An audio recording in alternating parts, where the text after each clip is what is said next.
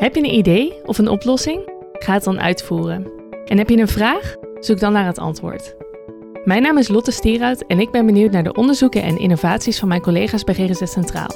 Omdat er hier veel gebeurt om problemen in de GGZ op te lossen of vernieuwingen door te voeren, daarover bestaat geen twijfel. Genoeg vragen voor mij dus om aan mijn collega's te stellen.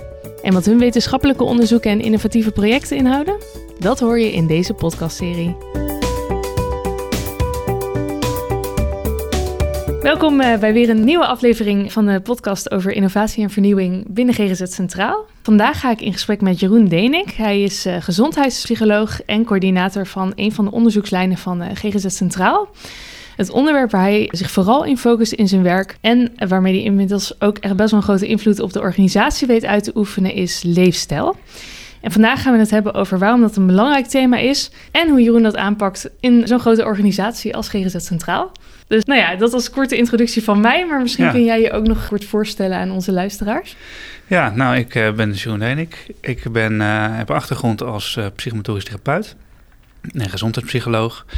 En ik ben vanuit die combinatie eigenlijk bij GGZ Centraal terechtgekomen. Daar zullen we zo meteen vast nog over hebben.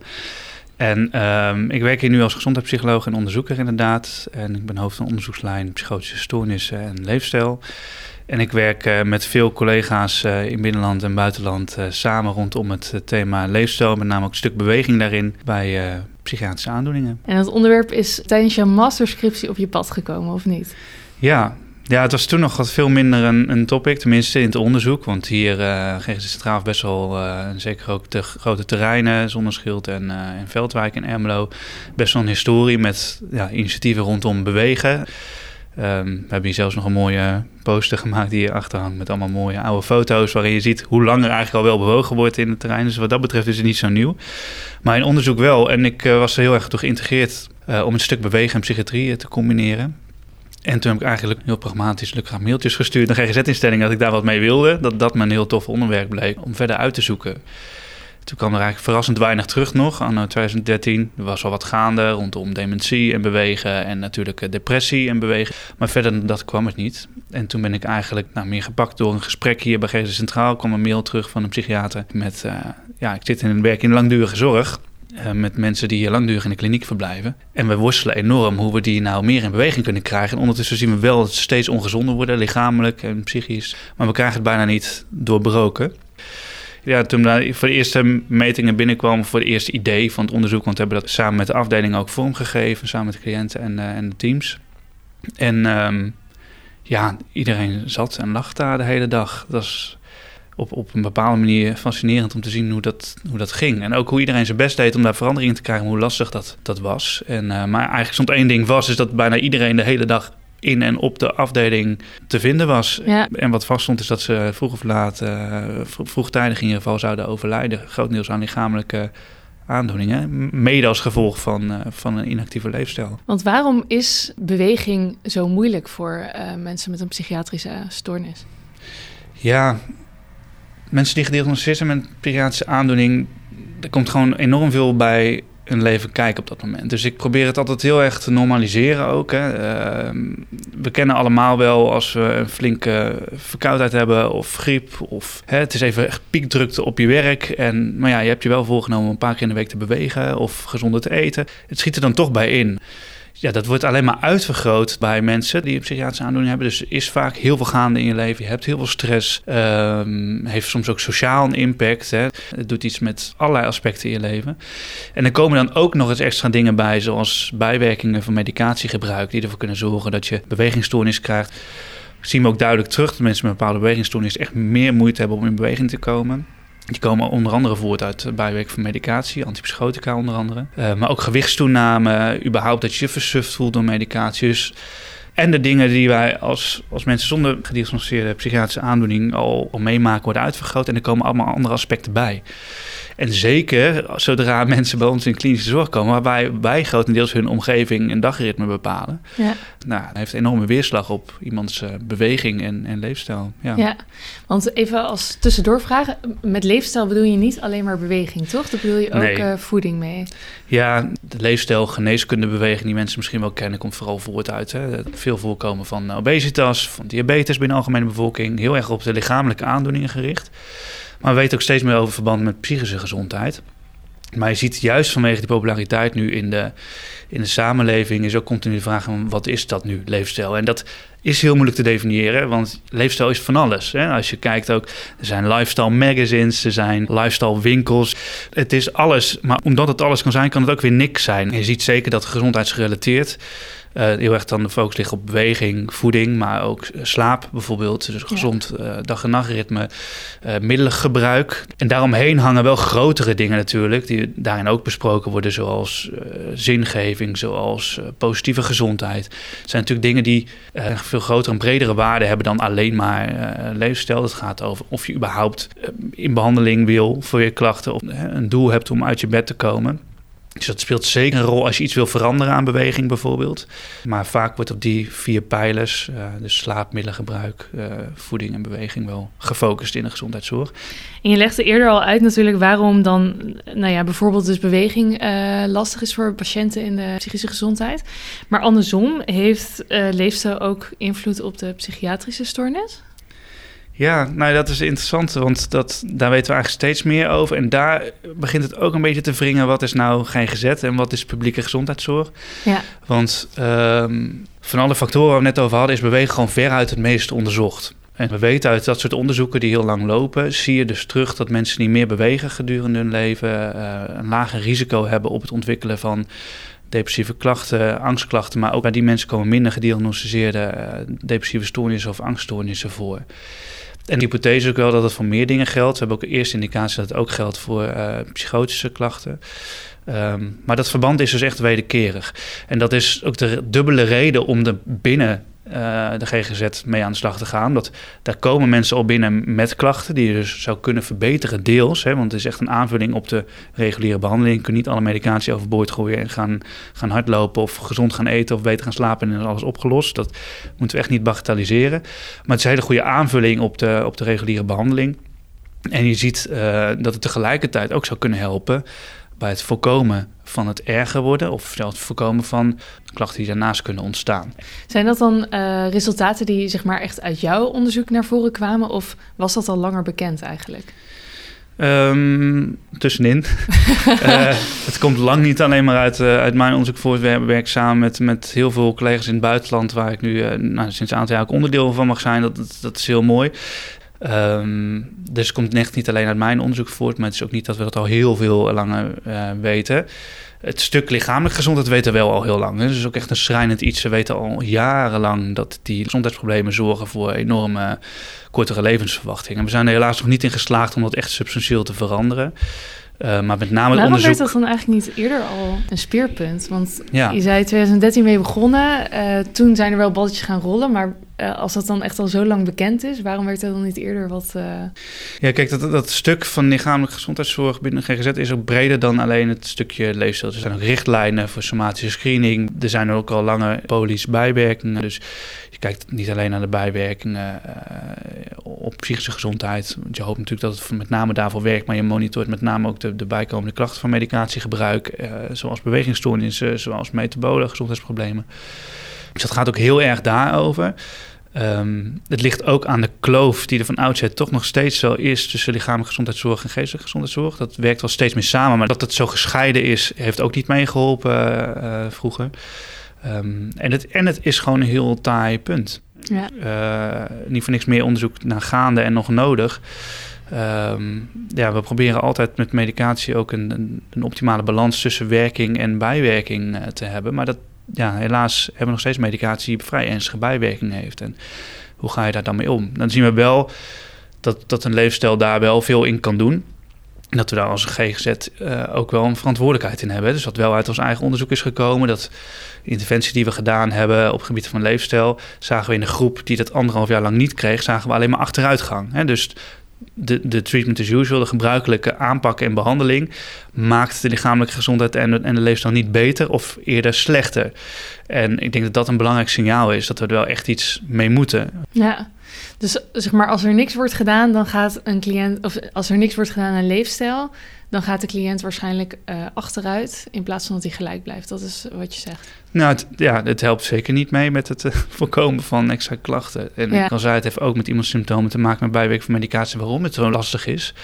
Maar daarom vind ik echt dat we in de GGZ ook wel een verantwoordelijkheid moeten pakken om iemand dus zo goed mogelijk te ondersteunen. Hè. Het is niet dat we vinden dat mensen per se dingen moeten, uh, maar net zoals we iemand zo goed mogelijk behandeling proberen te geven uh, rondom zijn psychiatrische klachten, zullen we ook alles in werking moeten stellen, denk ik, om iemand zo goed mogelijk te ondersteunen om nou, soms hebben mensen al een vrij gezonde leefstijl om die te behouden. Ja.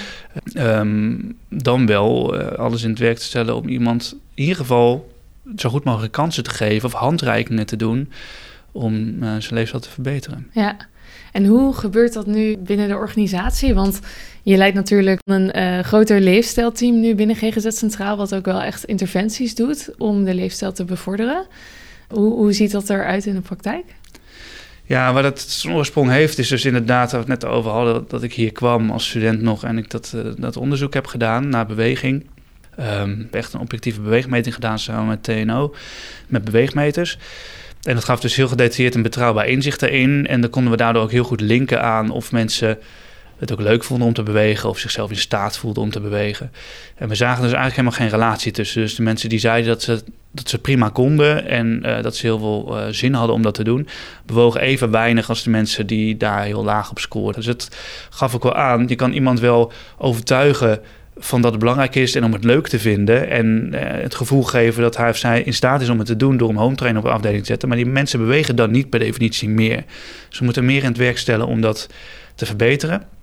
En um, um, kijk, ik heb met name de evaluatie daarvan naar voren gebracht. En je merkt dat dat heel erg um, uh, een breekijzer is geweest voor ontwikkeling op beleidsniveau. Dus na, dat, na die bevinding is het verpleegkundig team en, en behandel, behandelteam zelf aan de slag gegaan van oké, dan moet dit echt anders. Dan moeten we mensen meer aan de hand meenemen, uh, zonder betutteling, maar gewoon echt ondersteunen, zoals we het net zeiden. Alles in het werk stellen om iemand de kansen te geven en goed mogelijk te ondersteunen in wat hij of zij nodig heeft. Om wel in beweging te komen, om wel gezonder te eten, om dat dagritme te hebben, om beter te slapen, om minder middelen te gebruiken. Daar is op ingestoken. Dus de basis daarvan was echt een strak dagritme met echt meer aandacht voor welke activiteiten bieden we mensen nou aan. Daar werden ook cliënten bij betrokken om in mee te denken. Waar heb je de behoefte aan? Wat zou je leuk vinden? Uh, echt een ommekeer van werk en denkwijze. Uh, en anderhalf jaar later hebben we dat geëvalueerd en zagen we echt dus een verbetering in lichamelijke gezondheid, in functioneren, uh, in kwaliteit van leven, maar ook zeker, dat was een hele opvallende, voor het eerst indicaties van afname van medicatiegebruik. Niet alleen voor lichamelijke gezondheidsproblemen, maar ook voor psychische klachten. Dus daar zijn we nog verder aan het onderzoeken hoe dat precies zit. Um, maar dat gaf dus heel veel belovende resultaten. En zoals ik al zei, en dat was misschien achteraf wel het belangrijke resultaat, de groep die het niet kreeg, uh, ging achteruit. Dus um, dat is voor de organisatie echt een reden geweest om te zeggen: ja, dit kunnen we dus niet laten liggen. Hier moeten we iets mee. En we willen dit experiment gaan uitvergroten. Dus we zijn nu volop bezig om uh, wat eerder succesvol is gebleken op te schalen. Um, dat is spannend. Want ja. dat is echt een organisatieverandering uh, van formaat. Um, en we hobbelen daar met onderzoek achteraan om te kijken of dat dan echt het effect heeft wat we willen. En het mooie is dat dat mede is voortgekomen uit, dat, uit de eerste evaluatie op die op kleine schaal die ik net vertelde ook is gebleken dat er echt nogal op organisatieniveau is miste. Hè? Want een verpleegkundige kan niet ook een fysiotherapeut of een PMT of een diëtist zijn. Die moeten nee. samenwerken. En um, nou ja, dat is een van de dingen waarvan de organisatie nu heeft gezegd: ja, we zetten onze schouders onder om het samen vorm te geven. Nou, het is in begin 2020 begonnen. Um, nu best wel een uitdaging met, uh, met corona. Ja, dat is een dal. Dat is flink dal. Uh, en, en, aan de ene kant kun je zeggen, ja, er is altijd wel iets. Ja. Hoor, want dat, dat werkt gewoon zo. Bij grote veranderingen is altijd weerstand en is altijd een reden om te zeggen, het komt nu even niet uit. Maar we hadden natuurlijk al een hele grote werkdruk binnen GGZ, personeelsuitval. Um, dus we zien dat dat wel taaier is dan natuurlijk vooraf hadden gehoopt. Toen we nog niet wisten dat corona kwam. Um, maar we zijn er volop mee bezig en we gaan dat dus evalueren. We gaan zowel evalueren of dat gezondheidswinst oplevert na twee jaar. Um, maar ook de kant van wat geven medewerkers en cliënten aan over waarom dit nou wel of niet lukt. Uh, um, wat ze daarin ervaren. Of ze de aanpak wel zien zitten of dat er dingen in bijgesteld moeten worden. Om juist ook op die verander, uh, op die veranderkant, op de implementatiekant ook te evalueren. Want daar leren we denk ik het meest van ja. hoe we het nou daadwerkelijk in praktijk kunnen brengen. Ja, dus in die zin is tijdsdruk in het werk een beetje, een, of niet een beetje, een grote belemmerende factor. Maar heb je al zeg maar, resultaten uit de praktijk van factoren die dan juist wel echt heel erg goed helpen in het bevorderen van een, een, een gezonde leefstijl? Ja, ja, en dat zien we gelukkig afgelopen jaren, uh, dat is wel mooi, zien we ook bevestigd in grotere onderzoeken internationaal. En dat is eigenlijk wat we hier uh, in, in, het eerste experiment wat ik net noemde, uh, in langdurige zorg ook al hebben gemerkt, is het samen doen met collega's onderling, maar ook juist in samenwerking met cliënten. Dus medewerkers die ook meegingen naar activiteiten in plaats van wijzen van nou, cliënten, dit is je dagprogramma, nu moet je hier en nu moet je daar, maar ook meegingen bewegen. Mee dachten met uh, gezonder eten of mee aan, meer aan tafel mee gingen eten in de kliniek dan. Um, maar ook echt die ondersteuning van gekwalificeerde professionals. En daarmee bedoelen we professionals die verstand hebben van leefstijlgebieden, zoals een beweegprofessional, zoals een diëtist. Uh, zoals een verslavingsarts of, of slaapdeskundige. Omdat teams dat ook wel teruggaven, die hebben die ondersteuning nodig. Dus teams zullen best hiermee aan de slag. Maar die expertise is wel nodig om één, meer kennis naar teams te brengen over hoe je mee om kan gaan. En twee, ook werk uit handen te nemen. Ja omdat, zoals ik net al zei, iemand binnen een team die daar is om iemands reguliere behandeling al te doen, die kan niet ook nog eens een beweegprofessional en een diëtist en alles nog wat tegelijk zijn. Dus uh, die samenwerking tussen die specialismen en de, en de behandelteams, dat is enorm belangrijk. En, uh, en het samen doen daarin. En wat we dus heel veel terug hebben gekregen als barrière, maar wat je dus ook om kan draaien als, uh, als bevorderende factor, is als het dus echt als het ingebed is in de organisatie, als een team de steun heeft van degene die hen leidt, dat het een ding is binnen de zorg en dat je hier dus ook tijd voor krijgt. Want het is heel makkelijk om te zeggen, joh, je zou eens wat meer moeten bewegen met de cliënten, maar als daar ja, nul minuten voor vrijgemaakt worden om mee te gaan aan beweegactiviteit of om eens rustig met iemand te zitten om het over een leefstijl uh, ding te hebben, uh, dan wordt het gewoon heel lastig. En ja. dan is het weer zo'n ding op het to-do-lijstje zonder dat je de um, verder vorm aan kan geven. En ik denk als één van de doornen in het oog van mensen in de GGZ is... en waarom ze er misschien ook wel niet meer willen werken... is dat je niet kan bieden wat iemand nodig heeft. dus iedereen voelt wel dat dat leefstijl een ding is, dat mensen dat wel willen. Cliënten willen, geven ook zelf aan dat ze dat willen en dat ze die ondersteuning hebben. Maar als je voor de rest geen ruimte krijgt om daar vorm aan te geven, is dat natuurlijk heel frustrerend. Ja, dus ja, ja. die organisatiesteun is wel um, heel belangrijk. Ja. En zeg maar, doen jullie dan uh, behalve echt uh, professionals inhuren op dit gebied, uh, ook nog andere dingen om de teams te ondersteunen? Ja, we proberen ook hier doorlopend binnen geen staal wat te evalueren en op te halen wat teams nodig hebben. En uh, soms is dat best wel groot en op grotere lijn, waarin we inderdaad moeten kijken: oké, okay, zijn er inderdaad genoeg gekwalificeerde professionals om die teams te ondersteunen, ja of nee? En soms is het ook heel simpels dat een team eigenlijk al heel lang een goed idee heeft, maar daar nog ja, twee fietsen voor de afdeling op missen of zo. Hè? Dus Oh, heel, ja. heel, ja, heel materialistisch, maar om dan daarover na te denken. En wat we bieden, waar we echt aan hebben gewerkt, is ontwikkeling van scholing. Want nou, ik denk bij heel veel mensen die nu in de GGZ werken, is dit nooit een thema geweest in de opleiding. Scholing voor professionals dan, Ja. over het bevorderen van eh, leefstijl. Ja, en wat de relevantie is en wat, wat het verband is. Hè. Er zijn ook nog heel veel mensen die zijn nog opgeleid met het idee van ja, de, de roken helpt ook bij psychische klachten. Maar ja, Voor we de weten dit- ja, Ja. voor de ontspanning, voor het eh, afnemen van stress of, of met name ook het afnemen echt van symptomen. Ga, ga met iemand wat roken en dan kom je in gesprek. Maar we weten heel veel uit onderzoek dat het roken het eigenlijk helemaal kan verergeren en psychische klachten en lage kwaliteit van leven in de hand kan werken. Dus, maar dat, ja, dat is, heeft niet in scholing gezeten, dat nieuwe onderzoek. Dus we hebben op basis van de meest recente inzichten uit onderzoek verschillende scholing georganiseerd, eh, omdat we ook zien dat eh, nou ja, net zoals bij cliënten, ook voor onze medewerkers, die willen wel en zien het belang dan wel. Daar hebben we weinig discussie mee over, denk ik. Maar hoe doe je dat dan? Ja, En hoe zit dat nou? En hoe, hoe, hoe zit het nou in elkaar? En wat is de rol van een beweging? Wat is de rol van een roken? En het gesprek daarover aangaan. Ehm, dus daar hebben we ook echt op ingezet dat de medewerkers ook de tools en ondersteuning in handen kunnen geven om daar, eh, eh, om daar wat meer handen en voeten aan te geven. ja. Nou, En heb je dan nu ook binnen de organisatie dat je echt wel positieve feedback krijgt en mensen eh, echt wel enthousiast zijn over het onderwerp en om daarmee aan de slag te gaan? Is er veel Ja. eh, draagvlak onder onze collega's? Ehm, nou, dat is wisselend. Hè? Wat ik al zei, dat ik, ik, de eerste reflectie is soms, dat is weer iets wat moet. Hè? Dus, uh, En we, dan proberen we namelijk aan te geven dat we er zijn om, om teams ook te ondersteunen, om, om daarover in gesprek te gaan. Kijk, en dat is de moeilijke balans. We hebben ook duidelijk gezegd, wij moeten het niet gaan bepalen of doen voor een afdeling. Dat, dat is helemaal niet de insteek. Willen juist ondersteunen bij, bij, bij die verandering. Bij hoe kun je hier nou structureel meer aandacht voor hebben in het dagelijks rijden en zeilen, in, in de begeleiding en behandeling van cliënten. Ehm, en om daar handreikingen voor te bieden, te ondersteunen bij, bij die veranderingen en inzet. Ook signalen op te vangen, inderdaad, van ja, dat willen we wel, maar we missen dat en dat. Hoe kunnen we dat dan organiseren, denken we over mee. Ehm, en je ziet dat dan mensen wel um, dat heel graag willen. En, en, dat komt ook voort uit dat we heel veel dingen alsmaar niet hebben kunnen doen eh, binnen GGZ. Hè? Dus reorganisaties die ervoor hebben gezorgd dat je heel erg het gevoel hebt... ja, ik loop hier als een kip zonder kop rond, ik probeer het beste van te maken... maar ik heb niet echt het gevoel dat ik iemand kan bieden wat hij nodig heeft. Zo is er bij heel veel verandering ook nogal sceptisch van ja, nou, nou, oh ja, nou komt de leefstijl weer, weet je wel. Dus er is overredingskracht voor nodig om te zeggen, we gaan dit echt doen. Dit is niet een proefballonnetje voor één of twee jaar. We gaan dit echt doen. En we gaan je echt bij ondersteunen en we willen het samen doen. Ehm, en aan de andere kant zie je ook echt zijn een mega organisatie. Dat kunnen we niet van de een op de andere dag omgooien. Dus dat zijn we gefaseerd gaan doen. Maar ja, dan zijn we bij de eerste regio bezig. Maar, maar de regio die eigenlijk daarna pas weer aan de beurt, die staat te trappelen om te beginnen. Dus er zijn ook heel veel teams die blij zijn dat er eindelijk hier meer ondersteuning voor komt. En dat er eindelijk vanuit uh, ook een organisatie is uitgesproken, we gaan hierin helpen en we vinden dit belangrijk. Ja. Dus er zijn ook heel veel professionals die dit al heel lang zien.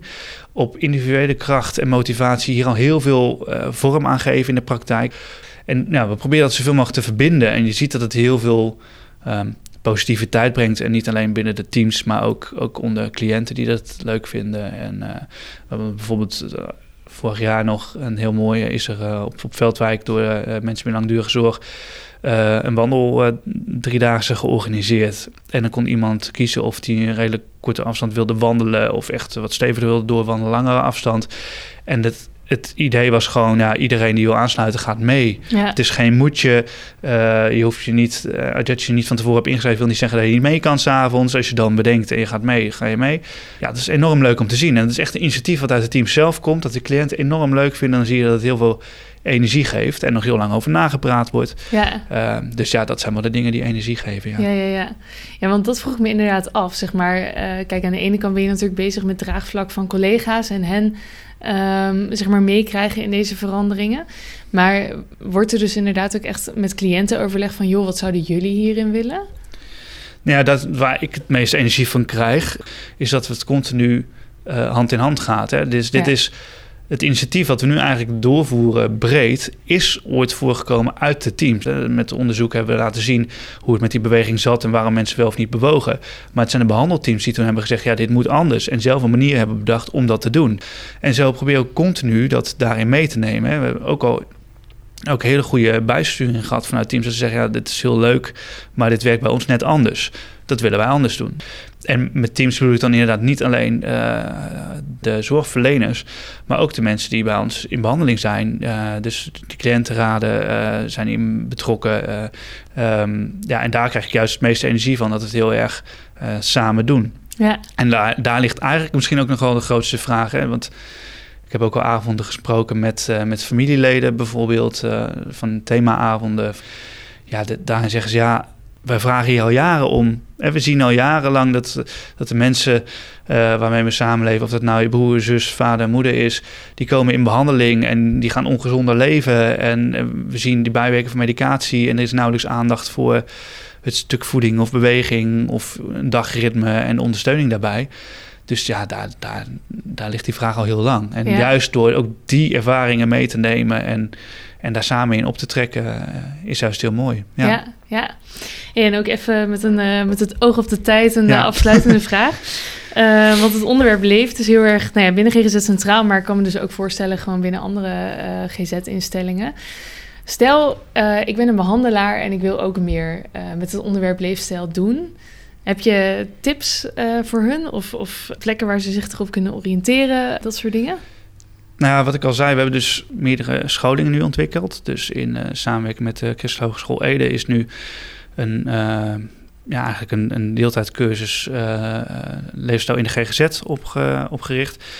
Duurt dan een aantal weken en dan doorlopen we heel veel op dat gebied, inclusief van hoe maak ik nou een, een leefstijlplan met iemand en echt op de doekant zit het ook. Ja. Uh, masterclass is er nu ook voor, voor behandelaren in de GGZ, die we halfjaarlijks geven. En we hebben onder andere um, dus net de GGZ e-learning van de GGZ Academy rondom leefstijl vormgegeven gegeven. En die is ook geselecteerd door de GGZ Academy als een module die open toegankelijk wordt voor alle zorgorganisaties. Dus niet alleen de leden van de GGZ Academy, dus dat is heel mooi. En we hebben dus begin volgend jaar komen in samenwerking met heel veel Nederlandse ex, experts in Nederland op dit gebied met een boek over leefstijlpsychiatrie. Ik hoop dat dat heel erg helpt. Um, ja, en ik zeg altijd, mensen mogen natuurlijk altijd gewoon contacten. Ja. ja. ik vind het enorm leuk om samen over na te denken en om vragen over te beantwoorden. Um, en als het over de uitvoering gaat, zie je dat mensen al heel snel denken: ja, we moeten dus extra budget hebben om dit te doen. We moeten extra medewerkers hebben uh, uh, om, om dit handen en voeten te kunnen geven. En dan kijk ik waar wij mee zijn begonnen. En dat is eigenlijk de omge omgedraaide uh, vraag is... als we gewoon kritisch kijken naar wat we nu doen... in hoeverre faciliteren we het omgekeerde? In hoeverre faciliteren we eigenlijk een ongezonde leefstijl?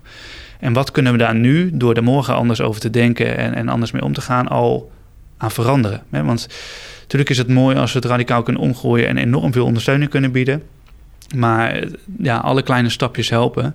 En als we al kunnen zorgen dat we ongezonde leefstijl minder faciliteren, dus dan hebben we het nog minder over het opplussen van personeel of budget of uh, mensen dingen afnemen of zeggen dat iets niet mag. Hè. Dat, gaat ook heel erg het gesprek over, zeker in langdurige zorg soms wel, of bij oudere uh, cliënten moet je nog wel vragen of iemand stopt met roken.